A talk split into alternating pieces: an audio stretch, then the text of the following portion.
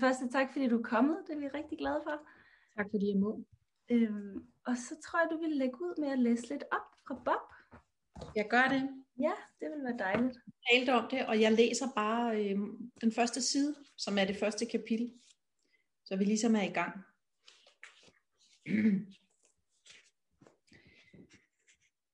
Flytter Bob og jeg så til Vandløse. Vores hjem var der oven på tanken, og vi fik stavparket. Op og ned ad trappen gik det.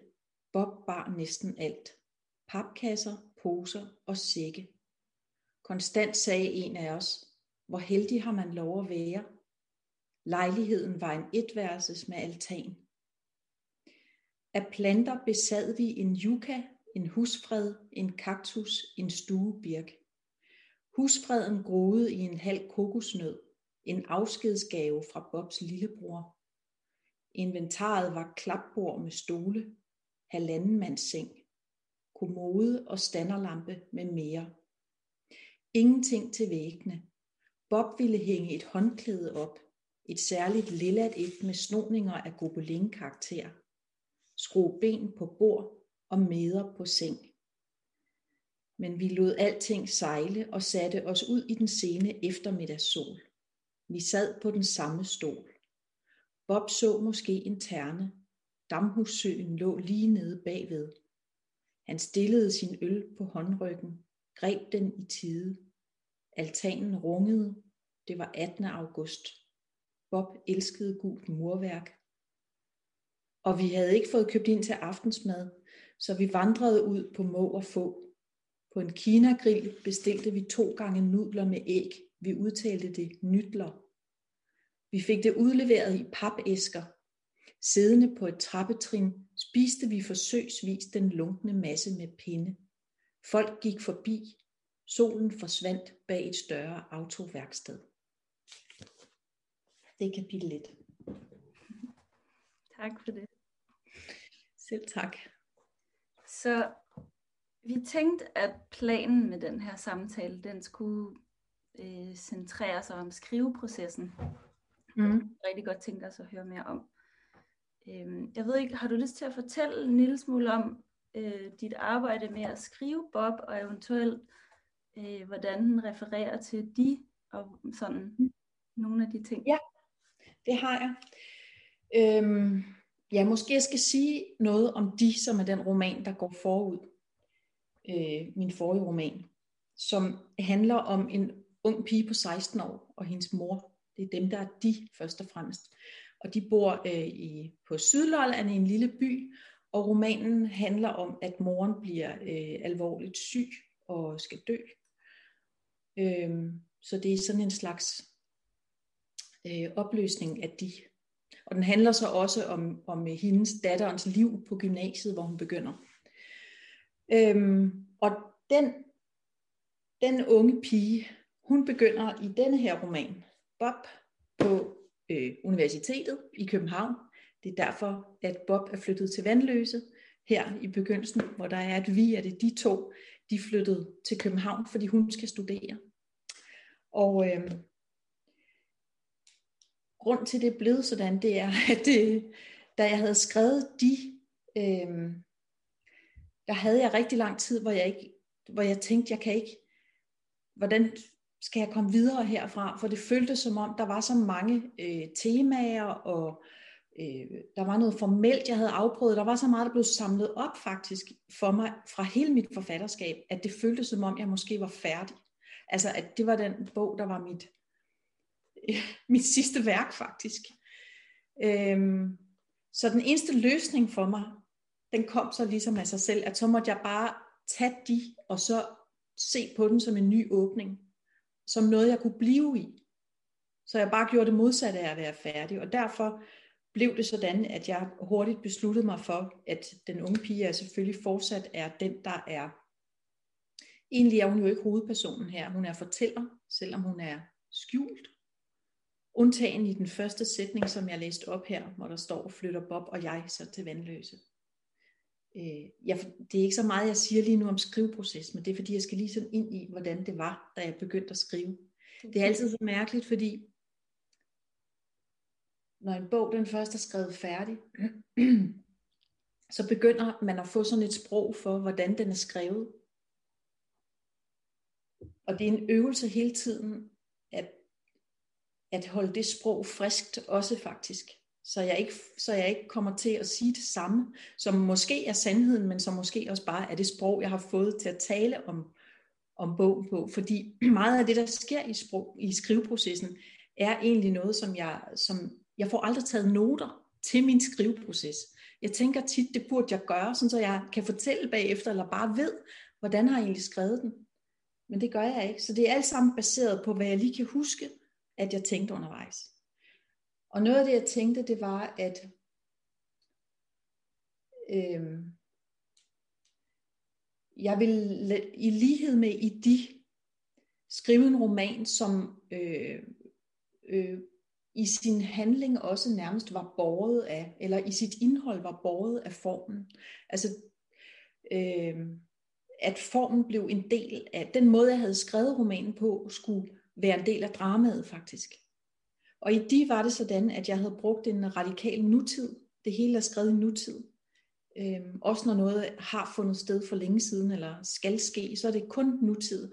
Og, øh, og det mærker man, jeg ved altså ikke, hvordan man mærker det. Jeg skal selv tage at læse den igen, fordi jeg af forskellige grunde skal læse korrektur på mine, alle mine tidligere bøger. Men, øh, så det bliver spændende at se, hvordan jeg synes, den er, og hvordan det virker. Men det jeg i hvert fald ville, da jeg skrev den, det var, at jeg ville have, at man man måske ikke konstant skulle tænke, at hvad er det med den nutid, men at man indimellem blev gjort opmærksom på, der er noget galt med tiden. Den er for meget i nu.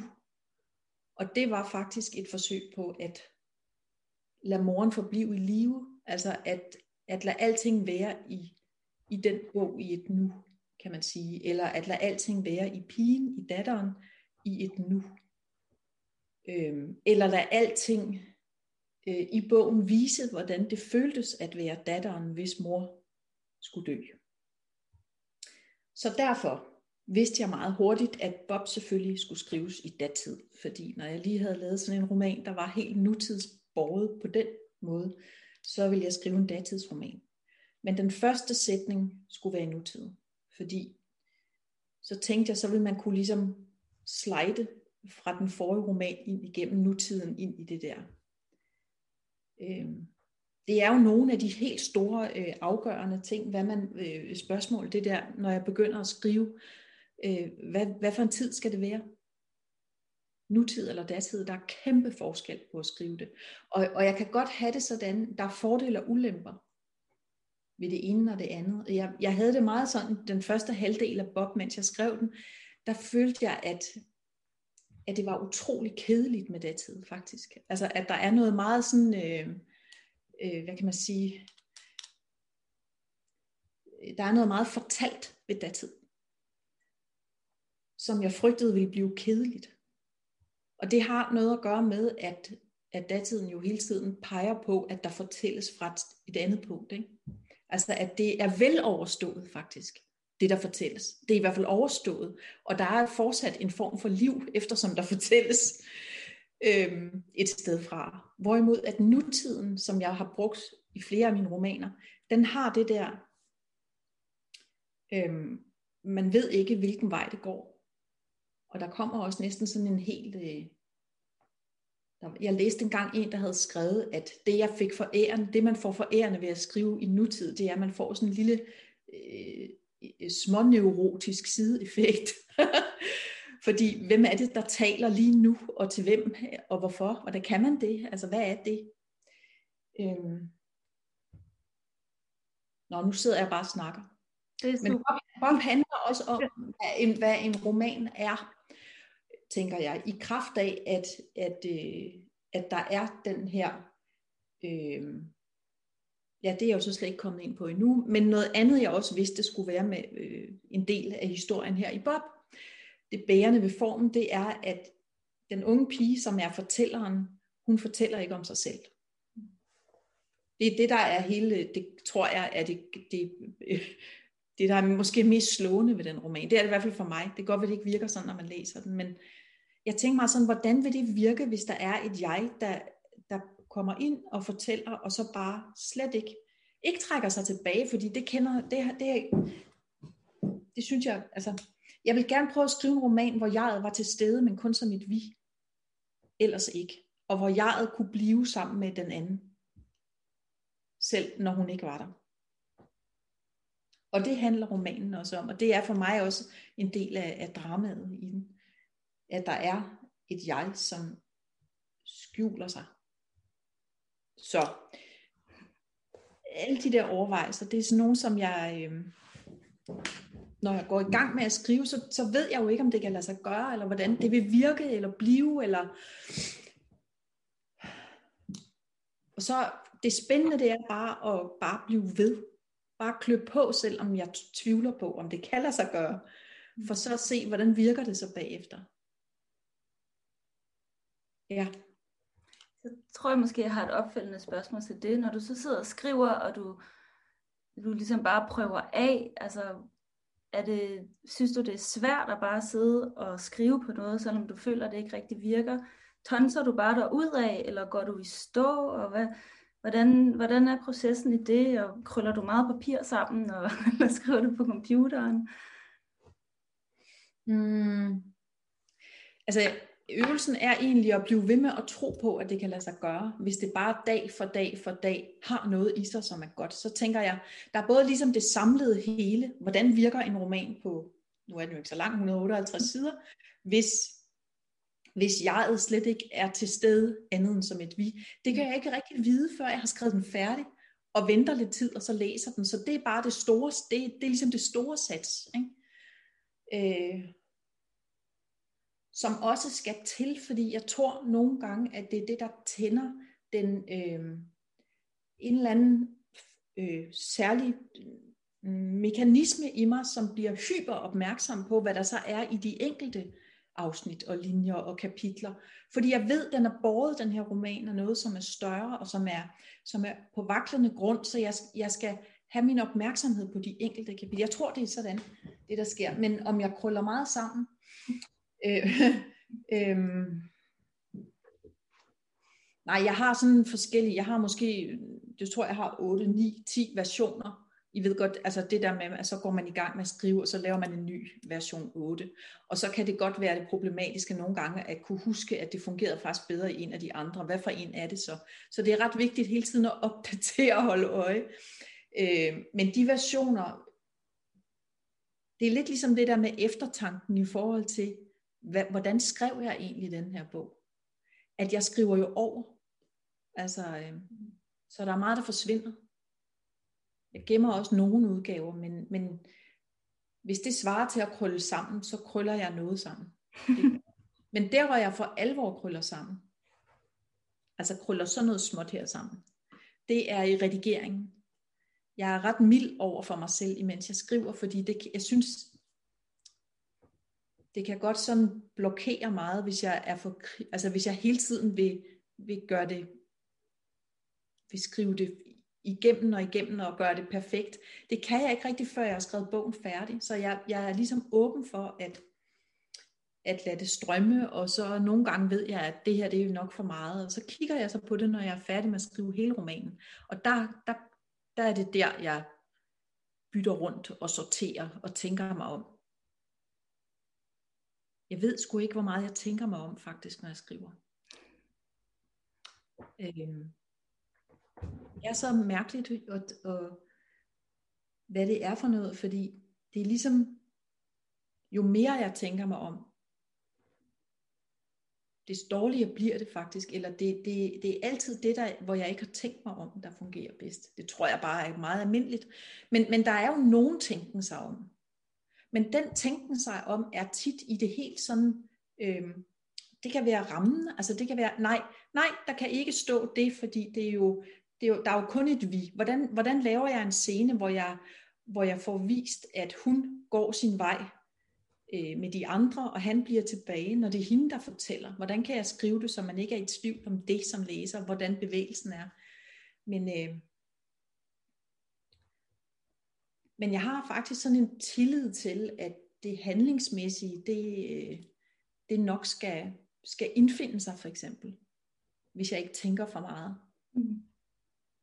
Og det kan jo nemt komme så til at lyde som om, at det er indholdsløst eller handlingsløst, og det er det overhovedet ikke, fordi det er jo så helt den anden del af det, det er, at min lyst til at skrive om et ungt par, der kommer med alt deres ude fra provinsen og flytter til storbyen i 80'erne, øh, det at det at komme med hele sin landsby på ryggen, eller hvad man skal sige, og, og gå rundt øh, og, og lære alle vejnavnene udenad. Og det, er, det er også det, altså den måde, både de skal finde sammen i deres forhold som to, der for første gang har deres eget fælles hjem, og så den måde, at han især selvfølgelig, fordi det er ham, man hører om, skal finde sin vej det nye sted. Det tænker jeg selvfølgelig også på. Giver det mening? Mm. Undskyld, hvis min svar er for lange. Nej, det er meget mærkeligt. Det er fordi, I, I er der jo... Øh, så sidder jeg her på mit kontor og kigger ud, og det er også her, jeg sidder og skriver, der sidder jeg hele tiden og kigger den vej. Øh, ja, så kommer jeg måske til at sige noget sludder, fordi jeg bare tænker højt. Fordi I er der, men I er der jo ikke. jeg synes, det er rigtig fint. mig. øhm, jeg kunne godt tænke mig at vide noget mere, sådan, hvordan du opbygger dine karakterer, om du må først havde tænkt at skrive om en anden karakter end Bob, fordi Bob er jo hentet fra de. Mm. Overvejede du nogle af de andre karakterer, inden du ligesom låste dig fast på Bob?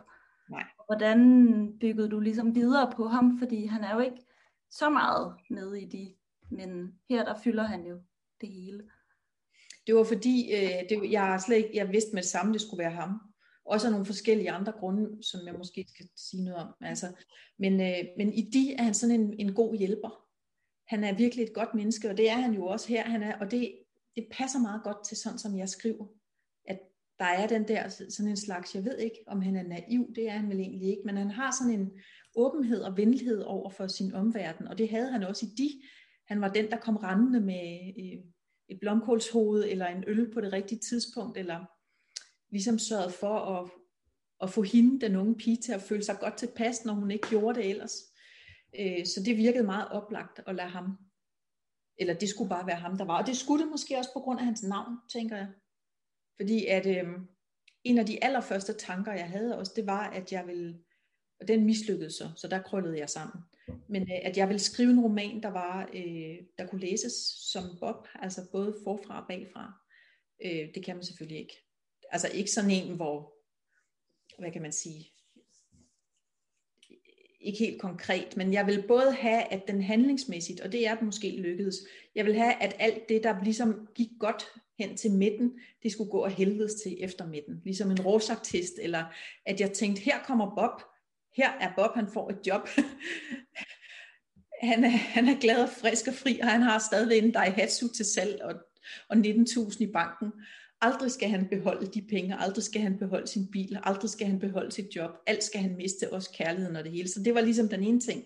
Og så tænkte jeg samtidig også, at det passede med hans navn, og, det, og så troede jeg, at jeg kunne skrive en roman også, der, der havde sådan 5-10 linjer, som når man, det jeg læste højt her, at de første 5-10 linjer skulle kunne læses forfra, og når man så var færdig med bogen, så ville de sidste 10 linjer eller 5 linjer være de samme, bare bagfra.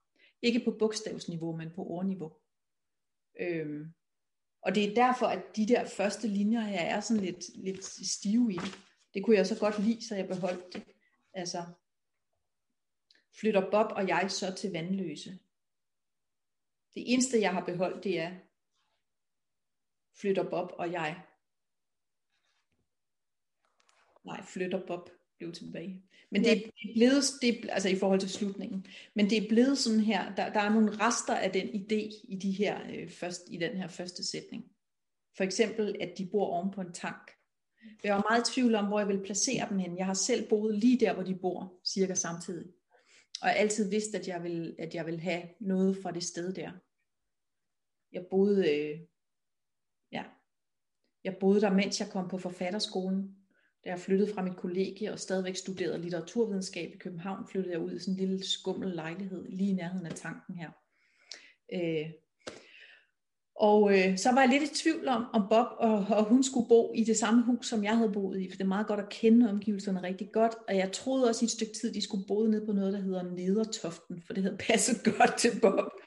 Men, øh, men så blev det tanken, fordi øhm, at i bogens slutning, der var det så tanken. Altså der blev det læst, som om der stod tanken. Så det er en rest, det var det, der gjorde, og det er jo sådan, det er at skrive, det er det, der er så utroligt, det er, at på grund af, at jeg har truffet en beslutning om, at bogen skal kunne læses forfra og bagfra, så vælger jeg, at de skal bo oven på en tankstation, fordi man kan kalde den tanken. Og fordi jeg har skrevet noget om tanken, så er jeg nødt til at skrive lidt om benzin i fjerde afsnit, sådan så man ikke, slet ikke forstår, hvorfor står der ikke oven på tankstationen, eller oven på benzintanken, eller kan man overhovedet bo oven på en tank? Altså, det er helt utroligt, hvor meget i skriveprocessen, der faktisk, altså der er så meget handling i en roman, som egentlig bliver, som den gør, fordi man er nødt til at træffe de beslutninger for at få det til at gå op. Du stiller nogle regler op for dig selv. Jamen, det er sgu ikke kun regler. Altså det er faktisk ikke kun det, det er mere det, at, øh, hvad kan man sige, mm, fordi der er en vej, man ikke er sikker på svinger til højre eller venstre om bag Holbergsgade, så er der nogen, der går ned til Nyhavn, og så, så tænker jeg, jamen, så er det bedre, at de tager en sandwich. Altså sådan noget. Og så kommer hele kapitlet til at handle om det. Bare et dårligt eksempel, som heller ikke er fra bogen. Men, men at det kan faktisk være... Øh, det kan også være det at have brugt det samme for mange gange, de samme ord, eller skrevet for meget om at, om at krydse en vej, eller om at cykle, øh, så fordi jeg har brugt ordet krydse nogle gange før, så, så ender det med, at nogen i stedet for øh, gør noget helt andet end at krydse vejen. Altså, at man kommer til at skrive, at man kommer til at skrive handling frem, faktisk. At handlingen ændrer sig i kraft af det sprog, som jeg bruger. Ja. Det synes jeg giver god mening. Øhm, jeg vil lige sige, jeg tror jeg glemte at sige i starten, at hvis der er nogen, der har nogle spørgsmål, så kan I bare skrive det i chatten, og så, øh, så tager vi dem bare sådan efterhånden. Eller hvis der er noget specifikt lige til noget, som Helle siger lige nu, så, øh, så prøver vi at kigge efterhånden.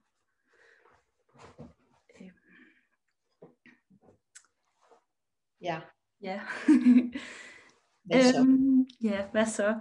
Øh, jeg tænkte, Øh, jeg har tænkt lidt på, øh, fordi du skriver både romaner og noveller. Så jeg tænkte på, om du kunne måske sige noget om for dig den største forskel på at skrive en roman og en novelle i forhold til sådan strukturering, strukturering af historien. Mm. Hvordan du ligesom bærer dig ad med det. Det er rigtig mange år siden, jeg har skrevet novelle. Øh, så de erfaringer, jeg har, de ligger en del år tilbage. Jeg har udgivet to novellesamlinger, en der hedder Rester og en der hedder Biler og Dyr, og de er fra 96 og 2000. Så det er mange år siden. Så har jeg efterfølgende, da jeg stadigvæk lavede sådan nogle bestillingsopgaver, har jeg nogle gange skrevet en novelle til noget, men det er også mange år siden. Øhm, så hvad jeg siger om det, det er sådan baseret på, hvad jeg... Nej, det er måske i virkeligheden også baseret på min fornemmelse af, hvorfor jeg ikke kan skrive noveller mere. Øhm,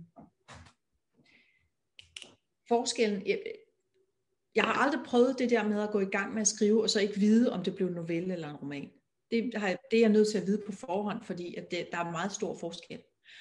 Øhm, så det har, det har ikke været sådan, at nogle af mine noveller i virkeligheden var et forsøg på at skrive en roman, der mislykkedes eller sådan noget. Men så nogle gange har jeg så samlet noget tematisk op fra en novelle og udfoldet det lidt i en roman. Men øhm, altså jeg husker det som den, den, den, den mest afgørende ting er jo, at man kan skrive en novelle virkelig hurtigt, hvis man har en god dag. Og, øh, og det betyder egentlig, at man, jeg tror det er Raymond Carver, der har talt om, at en novelle ligesom kan både læses og skrives in one sitting. Altså at man sætter sig ned og læser den og rejser sig, så er man færdig. Og det kan man også nogle gange. Det har jeg kunnet med nogle af mine bedste noveller. Jeg skal bare skrive dem hurtigt. Den der umiddelbarhed. Og egentlig også en manglende siden og tænke sig om, men mere sådan se det for sig og skrive det. Hvor at der går utrolig meget tankevirksomhed forud og undervejs og efter en roman, for at få den til. Altså en roman er jo sådan et skrummel, hvor man kan putte alting ind i, og det er det, der er så spændende også, det er, at det kan, der kan være så meget i den, hvor at novellen, den skal ligesom jeg skulle blive bange for at skrive dem, fordi at jeg synes, jeg, det blev for meget en fix idé til sidst. Eller det, det, det, man kan få en det er ligesom, noveller kan for mig for meget være baseret på en god idé, og gode idéer, gode idéer er ligesom bare noget lort faktisk, fordi at, at de kan godt tage opmærksomheden fra, fra alt det, der opstår, når man skriver, hvis man er for hippet på den der gode idé. Mm. Og det, det synes jeg, jeg kan se måske blev, det, der blev sværere for mig med novellerne, det var, at jeg, øh, at de var for baseret på min, min forestilling om, hvordan de skulle ende med at føles, eller hvad de skulle være. Øhm. men til gengæld vil jeg så sige, når det lykkedes, altså dengang med novellerne, så er det jo også, øhm, så kan der opstå noget helt særligt. Fordi det kan gå så hurtigt med at skrive. Og det er jo fordi, at når man skriver en roman, så for eksempel det her med, at, at ikke vide, kan jeg, kan jeg skrive en roman om en, der hedder Bob og hans kæreste, hvis det kun er hende, der fortæller, og bla bla, de flytter ind, øh, og kan jeg skrive den uden at lade hende sige noget som helst om sig selv. Det, det sats, der er i det, det går jo hen over en lang tidsperiode, hvor jeg hele tiden er i tvivl, og så prøver jeg noget andet, og så skriver jeg alligevel videre, og jeg har overvejelser om, hvordan jeg skal komme videre, og hvad jeg kan gøre ved kapitlerne. Så det vokser jo og lever på sådan en selvfølgelig sagens natur hen over meget lang tid, hvor det meget tillokkende ved noveller er, at man kan simpelthen bare på et billede, altså et godt billede har det tit været os, en forestilling om, der er en mand, der står der, eller ligger noget der, eller en kommer ind ad døren på den måde. Hvad er det med de to? Og så skriver jeg det. Så kan man gøre det så hurtigt. Øh, men jeg synes måske, at jeg tror for mig, der blev, der, altså grund til, at jeg så holdt op med at skrive noveller, det kan jo godt være, at jeg kommer til det igen, men at jeg ikke har gjort det, det er, at det stod ligesom tydeligere for mig i novellerne, hvordan jeg, at, at, jeg, at jeg skulle passe, at jeg kom til at ligne mig selv for meget. Altså det der med, uh, nu lyder det rigtigt som en novelle, jeg har skrevet. Det er jo forfærdeligt, altså. Øh, og, og, og meget bremsende øh, at genkende en bestemt tone, som er ens egen. Og det blev tydeligere i novellerne end det, end for mig, end det gjorde i romanerne, og end det gør i romanerne. Så, øh, men jeg, jeg har faktisk lige indlæst mine første fem bøger som lydbøger. Så jeg har siddet og læst Rester og biler og dyr, mine første noveller der. Og det var virkelig en, meget speciel oplevelse. Jeg har også, så også læst nogle af mine romaner. Øh, jeg kunne jo godt se, at det var mange år siden, at de havde, de havde mange år på banen. Og jeg kunne godt mærke, at, der, at jeg har øh, gennemgået en udvikling, at jeg skriver på en anden måde nu. Og jeg fik meget sådan næsten omsorg for, eller jeg tænkte sådan, jeg tænkte sådan, ah, det var sgu lidt hårdt for dig, eller sådan noget. Jeg synes, jeg synes at det, og samtidig tænker jeg, men du var fandme heller ikke særlig god til at skrive. Øh, og så vil jeg sige, så synes jeg, at den novelle sammen, der hedder Biler og dyr, den kunne jeg bedre lide. Der kunne jeg se, der havde jeg modnet mig. Det var min fjerde bog. Der var jeg kommet et nyt sted hen. Der var der noget, der var blevet meget bedre. Øh, hvor det første, men det der så til gengæld var, fordi jeg har jo den der novellesamling Rester, som er den, der er blevet brugt så skide meget i skolerne, hvor der er nogle noveller, der altid bliver læst. Ikke? Så den har jo banet en vej for mig, også rent øh, selvfølgelig også, at jeg har kunne leve og være forfatter og kunne skrive romaner og sådan noget. Men der var jo noget, det er jo ikke fordi den er dårlig overhovedet, men, men jeg vil aldrig have kunne skrive den bog på den måde, som den er i dag. Det kunne jeg kun, fordi jeg vidste ikke, hvad jeg gjorde. Altså jeg vidste ikke, hvad noveller var næsten. Jeg, havde, øh, jeg, jeg skrev næsten alle novellerne på to måneder der i rester, i sådan et øh, sommerhus op i Blokhus, hvor jeg var med min familie i midten af 90'erne. Og jeg havde næsten ikke taget noget læsestof med derop, fordi jeg var bange for at blive for påvirket af det. Jeg havde taget to bøger med, og den ene det var netop en Raymond Carver novellesamling, og det andet var en Kjell Askildsen. Jeg tager den lige. Den her. Og han ser sådan her ud på bagsiden. og jeg var meget skræmt over det, men jeg vidste, at den var en pludselig frigørende tanke. Den havde jeg taget med op. Øh, og jeg nåede kun at læse fire linjer af en novelle, så tænkte jeg, jeg bliver simpelthen for stærkt påvirket af det her. Og så lagde jeg den til side. Og så er, synes jeg egentlig, at hele den novellesamling er totalt påvirket af ham, men jeg havde kun læst fire linjer. Ja, det kan, der kan godt være noget, der går meget voldsomt ind. Øh, ja. Nu var du inde på det lidt før, øh, og også nu i forhold til, hvordan at det bare ligesom flyder fra dig, når du skriver. Det, det virker som om, det er meget intuitivt, når du skriver, og du lægger ikke sådan bånd på dig selv. Øh, men laver du nogensinde sådan, så du har øh, følger en eller anden form for struktur, eller laver, laver nogle tidslinjer, eller sådan, for ligesom at holde styr på historien på en måde. Fordi øh, når det er en helt roman, man skriver, der må være meget op i hovedet på dig. Mm. Øh, når du skriver det, har du ligesom brug for at lave en, ja, lave en eller anden form for tidslinje, så det okay, nu sker det her, her og her, og så skriver du det ud senere, eller, eller kommer det bare sådan? Jeg, jeg laver en tidslinje, når jeg er færdig med at skrive bogen, okay. og ikke har redigeret den endnu, fordi jeg er nødt til at have styr på, at det ikke er helt øh, fucket op faktisk. Og det er jo meget af det, der er. Der, der er jo rigtig mange ting, der skal hænge sammen. Sådan et skrummel af en roman. Mm. Altså, øh, fordi det er enormt irriterende, hvis læseren opdager, at noget, der foregår en weekend i september, kan ikke lade sig gøre, fordi der skete noget andet i oktober. Så der skal være styr på det der, også i forhold til øh, tilbageblik og aldre. Der er mange tilbageblik i Bob, og de handler om meget om hans ungdomsforelskelser. Og dem skulle jeg have styr på, men, men jeg lavede ikke en struktur, imens jeg skrev. Der, og det gør jeg faktisk aldrig. Jeg prøver at have en tiltro til, at jeg kan, øh, at der er en struktur.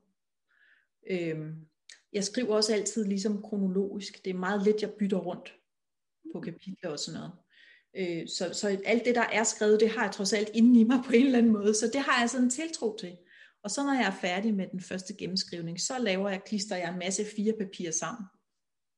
Og tegner det hele op med måneder og dage og år og fødselsår, og om det kan passe. Og det er faktisk derfor, det altid foregår i 80'erne. Det jeg skriver, fordi at øh, øh, det gør jeg ikke altid i 80'erne, det er også 90'erne, og nogle gange også senere. Men det er det, det der med, at hovedpersonerne har min egen alder.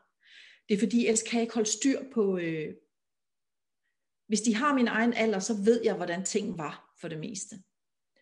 Øhm, og de er også nødt til, hvis jeg skal have det til at passe med, hvornår, pludselig er der en, der har fødselsdag. Og det skal jeg så vide, hvornår er den fødselsdag. Er han så født? Så er han født i 64 i september. Og så passer det med, at hun er født ligesom mig der, eller sådan noget. Ikke? Så jeg bruger bare mit eget liv, og, og måske nogle af dem, der er omkring mig, til at få det til at passe. Øhm.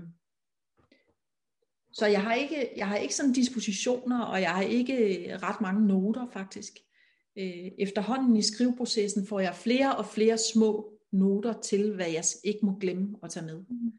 Altså det kan være en sætning eller en rekvisit, altså noget, der skal bruges til noget. Øh, ja. Så hvad er det egentlig, jeg har? Det er et godt spørgsmål. Jeg er lige nu rigtig meget på, det kan jeg godt sige sådan her, altså den næste roman, jeg skal skrive. Jeg har lige i dag gået og tænkt sådan, fordi er det nok?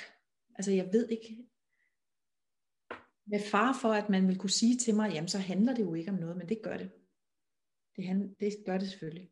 Øh, jeg er meget optaget af den, øh, den fortælle, øh, hvad kan man sige, hvad hedder sådan noget, udsigelsesposition, der skal være.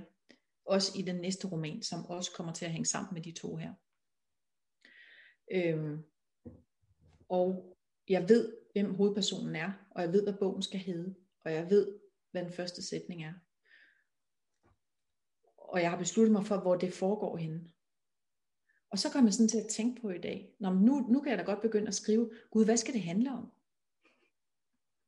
Altså, jeg ved godt, hvordan det er med hende, som det er, og hvordan det går med hende i den bil, hvor hun sidder, men jeg ved ikke, hvad skal der være i den? Og det, det er det, der er så spændende faktisk i modsætning til noveller.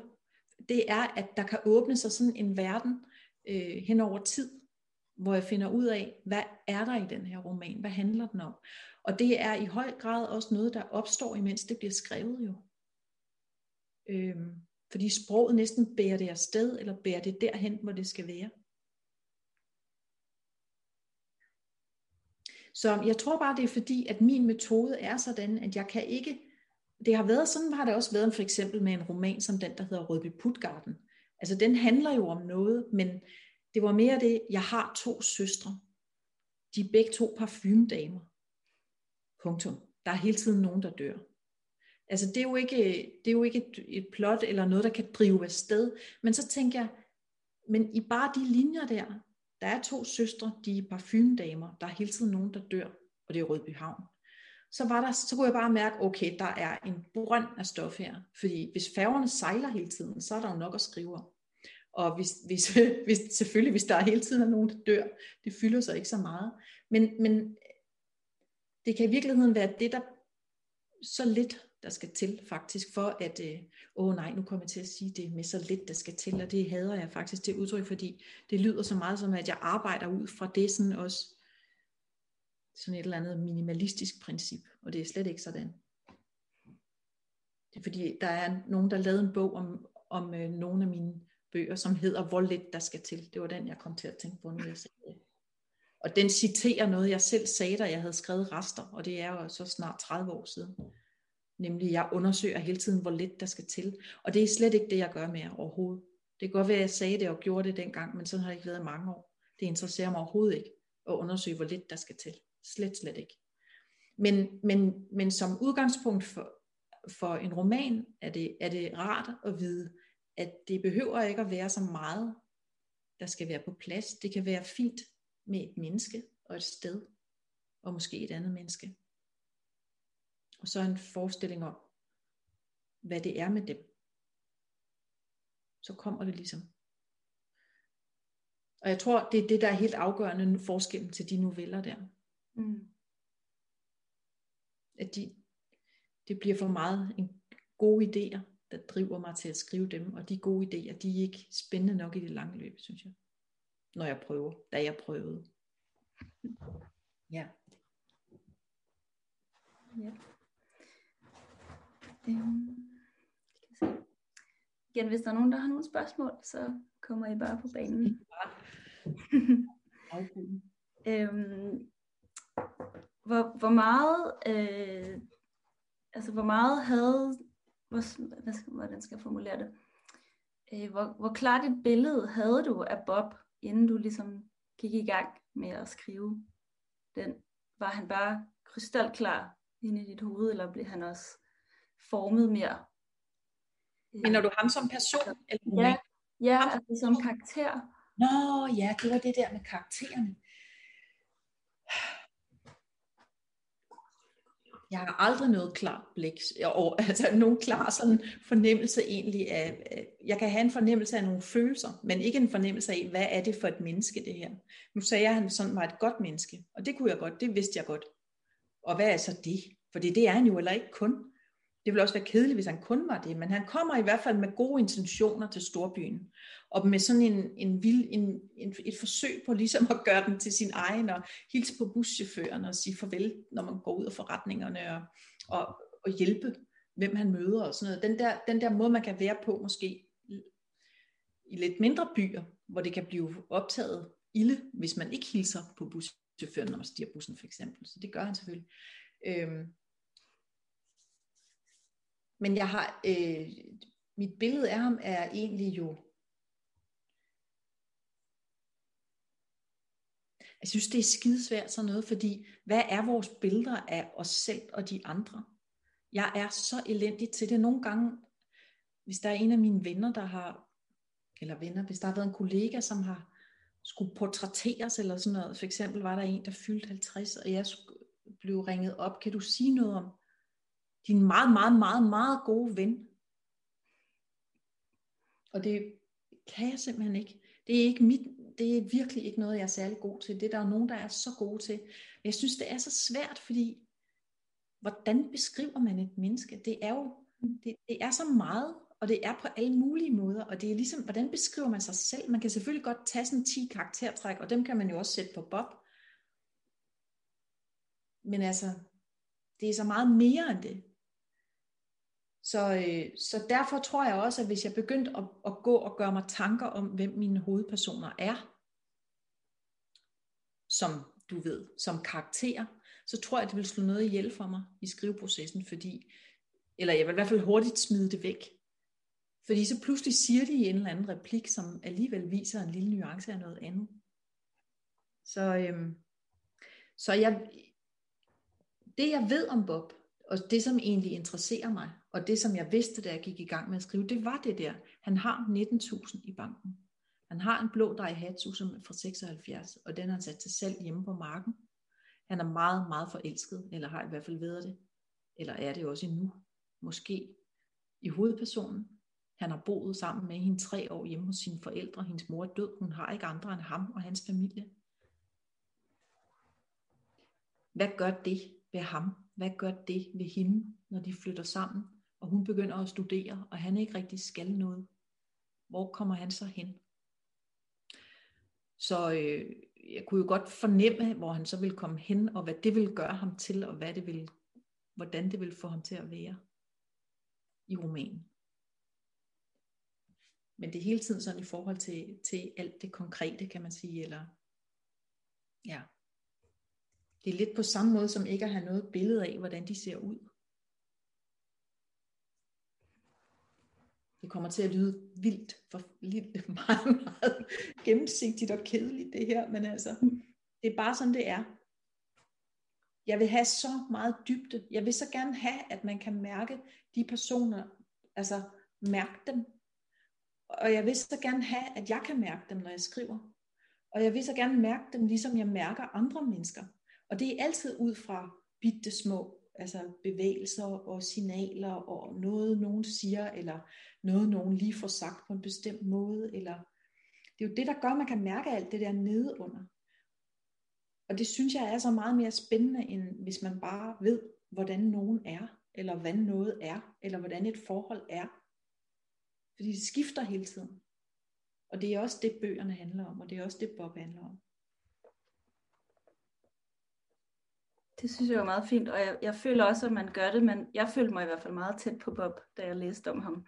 Mm. Jeg synes, han er en meget, meget følsom mand. Sikkert. Der var mange uh, ting, som jeg sådan, ja, han gjorde, som bare var så sødt, og man, man har næsten lyst til at give ham et kram nogle gange. han virker sådan lidt ked af det nogle gange, og så, ja. Ja, han er jo faktisk sådan lidt halvdepressiv undervejs. Ja, det er det. Øh, nu er der kommet et spørgsmål i chatten fra Pernille Louise. Og hun spørger, hvordan finder du på, hvad du vil skrive om, og føler du nogle gange, at du løber tør for inspiration? Hmm. Nej, jeg løber, lad mig tage det sidste. Nej, altså lykkeligvis nej. Jeg synes ikke, jeg løber tør. Og hvis jeg synes, jeg løber tør, så har jeg sådan ligesom oparbejdet den erfaring igennem årene, at hvis jeg bare sætter mig ned og skriver, så skal det nok lykkes. Altså, eller i hvert fald skal der nok ske noget. Fordi det er meget det. Altså det er det, at, øh, at simpelthen ikke kunne tænke sig frem til stoffet, men skulle skrive det frem. Så det der med, om jeg løber tør for inspiration. Jamen, jeg kan godt tænke sådan noget. Jeg har faktisk lidt krise nu. Øh, på en måde. Fordi jeg tænker sådan, hvad er, hvad fanden er det for nogle bøger, jeg skriver? Altså, de har jo ikke noget med verden at gøre. Mangler der ikke noget? Kunne jeg ikke gøre noget, som kunne skrive? Og det, og det kan jeg ikke. Jeg ved ikke, hvordan jeg skal forklare det. Jeg tænker sådan lidt, om jeg burde, burde skrive noget, som var mere, som ville ændre noget, eller som ville gøre op med noget, eller ja, som ikke bare var mennesker, der går rundt og er på en eller anden måde. Hvad, hvad er det? Så jeg kan godt få sådan en tvivl på, om jeg har noget at skrive om. Men allerede kan jeg mærke nu, hvor jeg siger det her, også fordi jeg sidder her på mit kontor, så tænker jeg, at den her, øh, den her frustration, jeg har nu, den kommer jeg til at bruge. Så kan jeg bruge den til noget, tror jeg, næste gang. Øh, jeg kan også godt blive bange for, at jeg er rigtig glad for at skrive om arbejdspladser. Jeg er rigtig glad for at skrive om øh, eller jeg kommer altid til at skrive om mennesker, der sådan befinder sig i de nedre samfundslag for det meste. Måske ikke så meget i mine første bøger, men det er meget blevet sådan, især efter Røde Nej, faktisk en roman, der hedder Forestilling om et ukompliceret liv med en mand, som handler om en, en ung kvinde, der gør rent, og køkkendame på et hospital. Øhm, og det der med en arbejdsplads, og, og nogen, som er, ligesom er sådan ret langt nede i hierarkiet, for eksempel receptionist på hotellet, det er måske ikke langt nede. Men, men øh, øh, og det, der kan jeg godt blive bange for, at jeg, at jeg til sidst, fordi nu er jeg 55, og jeg har skrevet bøger i et eller andet 28 år, så det er mange år siden, og jeg har, det er mange år siden, jeg har haft et arbejde for eksempel, et, et, et lønarbejde. Øh, jeg har stadigvæk arbejdspladser, jeg ikke har brugt at skrive om, men jeg bruger altid min egen næsten, nogen jeg kender, sådan så jeg ved, hvordan det er.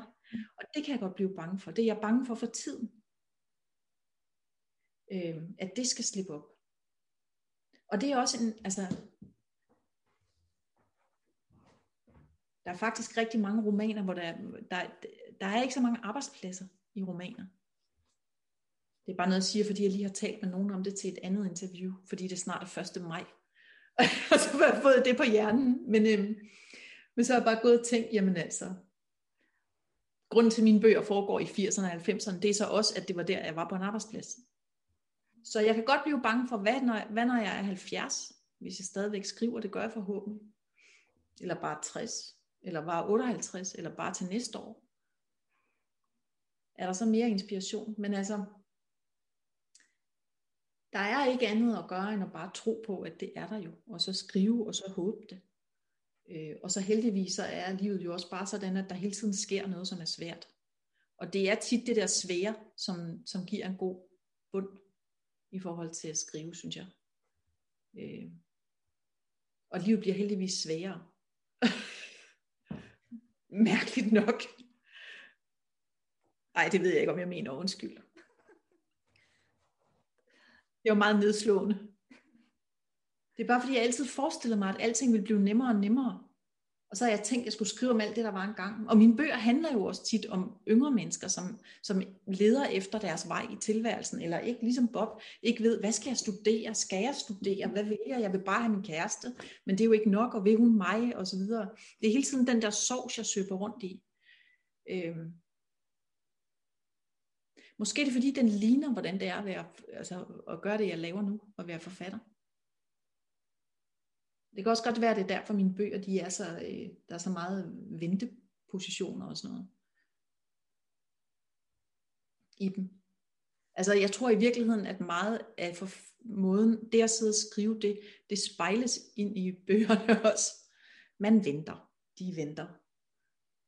Man længes, de længes.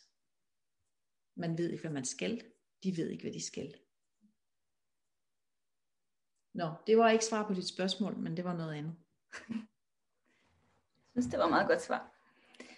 Øhm, så har Sara spurgt, hvordan arbejder du videre med den gode idé, så den ikke blot stopper der?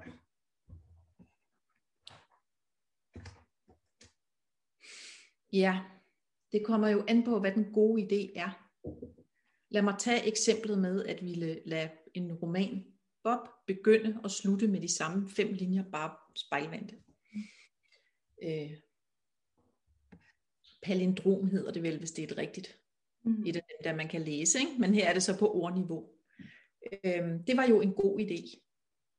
I hvert fald var det det, der fik mig i gang med at skrive bogen, for det var det, der gav mig tanken, som skulle være tanken til sidst. Og det var også derfor, der står, flytter Bob og jeg så til vandløse. Og det så blev jeg glad for, men i slutningen af bogen var det et så. Af vandløse til så jeg, og Bob flytter. Sådan sluttede den. Så øhm,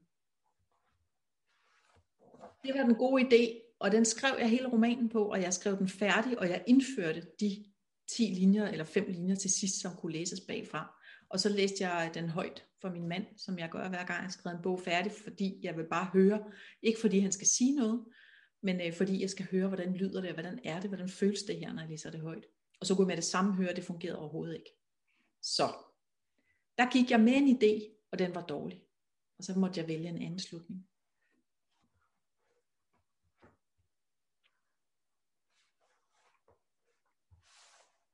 Men altså, det er jo en fornemmelsessag, hvornår noget er en god idé. Det er jo umuligt at sætte en formel på, fordi altså principielt kan alt være en god idé, vil jeg sige. Man kan jo skrive alt. Det er jo, altså, det er jo bare at gøre det. Det er bare hvordan jo. Det er altid det der hvordan. Og det, og det er måske det, at hvis den gode idé, altså,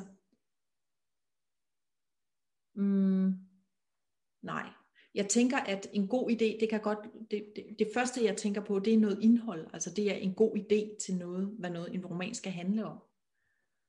Og det, øh, det kan godt være sådan lidt øh, blokerende, tænker jeg, hvis jeg har for meget en god idé til det. Ej, det ved jeg sgu ikke, om jeg mener. Ja, det, det, det ved jeg ikke, om jeg mener. Nå, er der flere spørgsmål? Ja, Julie har lige postet et spørgsmål. Det er fordi, I ikke kan afbryde mig. fordi så taler vi over hinanden, så sidder jeg bare og ævler. jeg tror ikke, der er nogen, der synes, du ævler. Jeg synes, det er super fint. Så siger Julia, nu siger du, at Bob og de står i meget tæt relation med hinanden, og at mm. næste nok også vil gøre det. Men hvad med dine andre værker, såsom dette burde skrives i nutid og Rødby Putgarden? Jeg mm. læste dem meget, som at stå i relation til de, nok knap så direkte som Bob, men alligevel. For eksempel ringer Henrik til fortælleren i de, som spørger efter Tine, som er navnet på søsteren til Jane i Rødby Putgarden. Hvordan behandler du dit forfatterskab, hvor man kan se værkerne som både at kunne stå i en relation til hinanden, men også som at være selvstændige værker og ligesom kunne implantere de indirekte forbindelser, som gør værkerne næsten til et slags slægtstræ, men uden at fodre læseren og næsten påtvinge forbindelserne. Det var da et fuldstændig fantastisk godt spørgsmål. Det er så godt, så det, så det er bedst ikke at svare på. Fordi det er jo nærmere en kommentar, og det er fuldstændig rigtigt, at der bliver ringet til Tine, og eller han tror, det er Tine, der har ringet. Er det dig, Tine, siger han. Og det er det jo ikke. Og her i Bob, der, der er Bob faktisk et lille kærlighedsforhold hen over et par måneder til en, der hedder Tine, som er fire år ældre end ham. Og sådan er der forbindelser på kryds og tværs. Ja, de hænger, der er også en, der er, der er forbindelser imellem dem. Og der er forbindelser i, at den, der kan, den, der kan være en søster i en roman, kan måske være noget, være, næsten være noget, være en anden person, der ikke er søsteren i en anden roman. Øhm. Det er også noget, jeg er begyndt at udfolde mere og mere. At jeg, at jeg godt kan lide, at, de, at jeg gør det der. Øh, jeg kan godt lide de forbindelser, der kommer. Og jeg kan jo også måske tillade mig det, fordi jeg tit har været i det samme, altså miljø, at der er en sandsynlighed for, at nogen... Men jeg har også blevet så overrasket nu her, øh, da, jeg, da jeg så læste de der første fem bøger, fordi så tænker jeg, for eksempel det der helt, helt... Altså, for eksempel vil man kunne læse og se, at der er en, der hedder Hans Peter, som går igen i flere i flere af mine bøger. Og, så, og det havde jeg altså glemt alt om. Men det, han kan sagtens være den samme. Øh, og, og det er fordi, det der Hans Peter, det synes jeg så var sådan et helt særligt godt navn. Men jeg havde, jeg havde simpelthen glemt, at jeg havde brugt det før. Men, men nu da jeg læste igen, at han både var i en novelle, og så kommer han lidt senere i en roman, så tænkte jeg, at det er sgu ham, der er med begge steder. Øhm, ja. Men hvad jeg skal sige om det mere, det er vel, at jeg kommer til at det er faktisk overhovedet ikke noget, jeg, øh, nu kommer jeg bare til at sige det der med, at den tredje bog kommer til at handle om det, men det er slet ikke noget, jeg har proklameret for nogen, ikke engang mit forlag, ikke engang nogen, jeg kender overhovedet, fordi det er bare fordi, det føles så fortroligt at sidde og tale med jer herfra hjem fra mit arbejdsværelse. Men, øh, men jeg har en plan for nogle bøger, der skal komme nu, som hænger sammen. Øh, og, og det er rigtig, rigtig spændende for mig, fordi jeg tænker, øh, uha nej, men jeg er blevet så bange for det der med, at nogen, hvis man siger, at jeg er ved at skrive, det er jo ikke en serie, for det er selvstændige bøger, men øh, det der er spændende for mig nu, det er, at jeg faktisk tænker mange bøger frem, i hvert fald nogle bøger frem, og for at jeg skal kunne skrive den bog, jeg skal skrive om to-tre bøger, så er jeg nødt til at vide, hvad den næste skal være, og der er også et slægtskab. Øh, og det er vel fordi, at der er noget, det kan jeg bruge til noget. Jeg kan bruge det til noget. Det er svaret. jeg kan ikke komme det nærmere. Det er fordi, det kan bruges til noget. Ja. Det kan bruges til at gøre noget rigtig, både noget, noget smukt og noget ondt. Både noget blidt og noget hårdt, fordi at det er hårdt, hvis det går ilde for nogen, som man også har læst om, hvor det gik lidt godt eller omvendt. Så det har også noget med tiden at gøre. At udfolde nogle personer faktisk hen over tid. Og det kommer jeg til at gøre mere, tror jeg. Det må være titlen på den næste bog, de skriver om dig, fordi det kan bruges til noget. Så ja, nu har Thomas et spørgsmål, og jeg tror, det bliver det sidste spørgsmål, ja. vi kan nå. Mm. Øhm, Julia siger, fedt, tak. Øh, Thomas spørger, hvordan er det at vide, at mange elever i folkeskolen og gymnasiet analyserer dine tekster, og det derfor i den undskyld, og det derfor er i den sammenhæng, mange i vores generation har deres første møde med Helle Helle, i stedet for selv at læse det. Hvordan forholder du dig til dine tidligere bøger, når de i dag læses af unge kollektivt i stedet for individuelt, som dine første læsere primært må have gjort? Mm. Jamen, jeg kan jo ikke rigtig gøre noget ved det. Så det er jo ligesom et vilkår, som jeg har øh, fået rigtig meget godt ud af, og sådan tænker jeg på det. Jeg er først og fremmest selvfølgelig glad for, at bøgerne bliver læst. Øh, fordi det vil man jo gerne have, at ens ting bliver læst. Og det, er, det, det har været meget afgørende for mig, sådan helt øh, levemæssigt også, som jeg sagde tidligere, fordi det betød, at jeg i mange år, der ernærede jeg mig ved at holde foredrag på gymnasier og skoler, og det holdt jeg op med for mange år siden, fordi det blev, det blev alligevel for meget. og så skulle stå og udlægge sine egne noveller. Det, det, til sidst kunne jeg ikke klare det mere. Men øhm, så den del af det har jeg det godt med, og jeg har det jeg har selvfølgelig en vis bekymring for, at, at der er rigtig mange, der øh, ikke kan lide det, som de bliver tvunget til at læse, altså som de skal læse i skolerne. Og så vil man aldrig læse igen noget af den forfatter, men på den anden side, så er der ikke særlig mange, der læser i det hele taget. så måske det er ikke dem, måske dem, der læser, de ikke bliver skræmt, og de andre, det ved jeg ikke.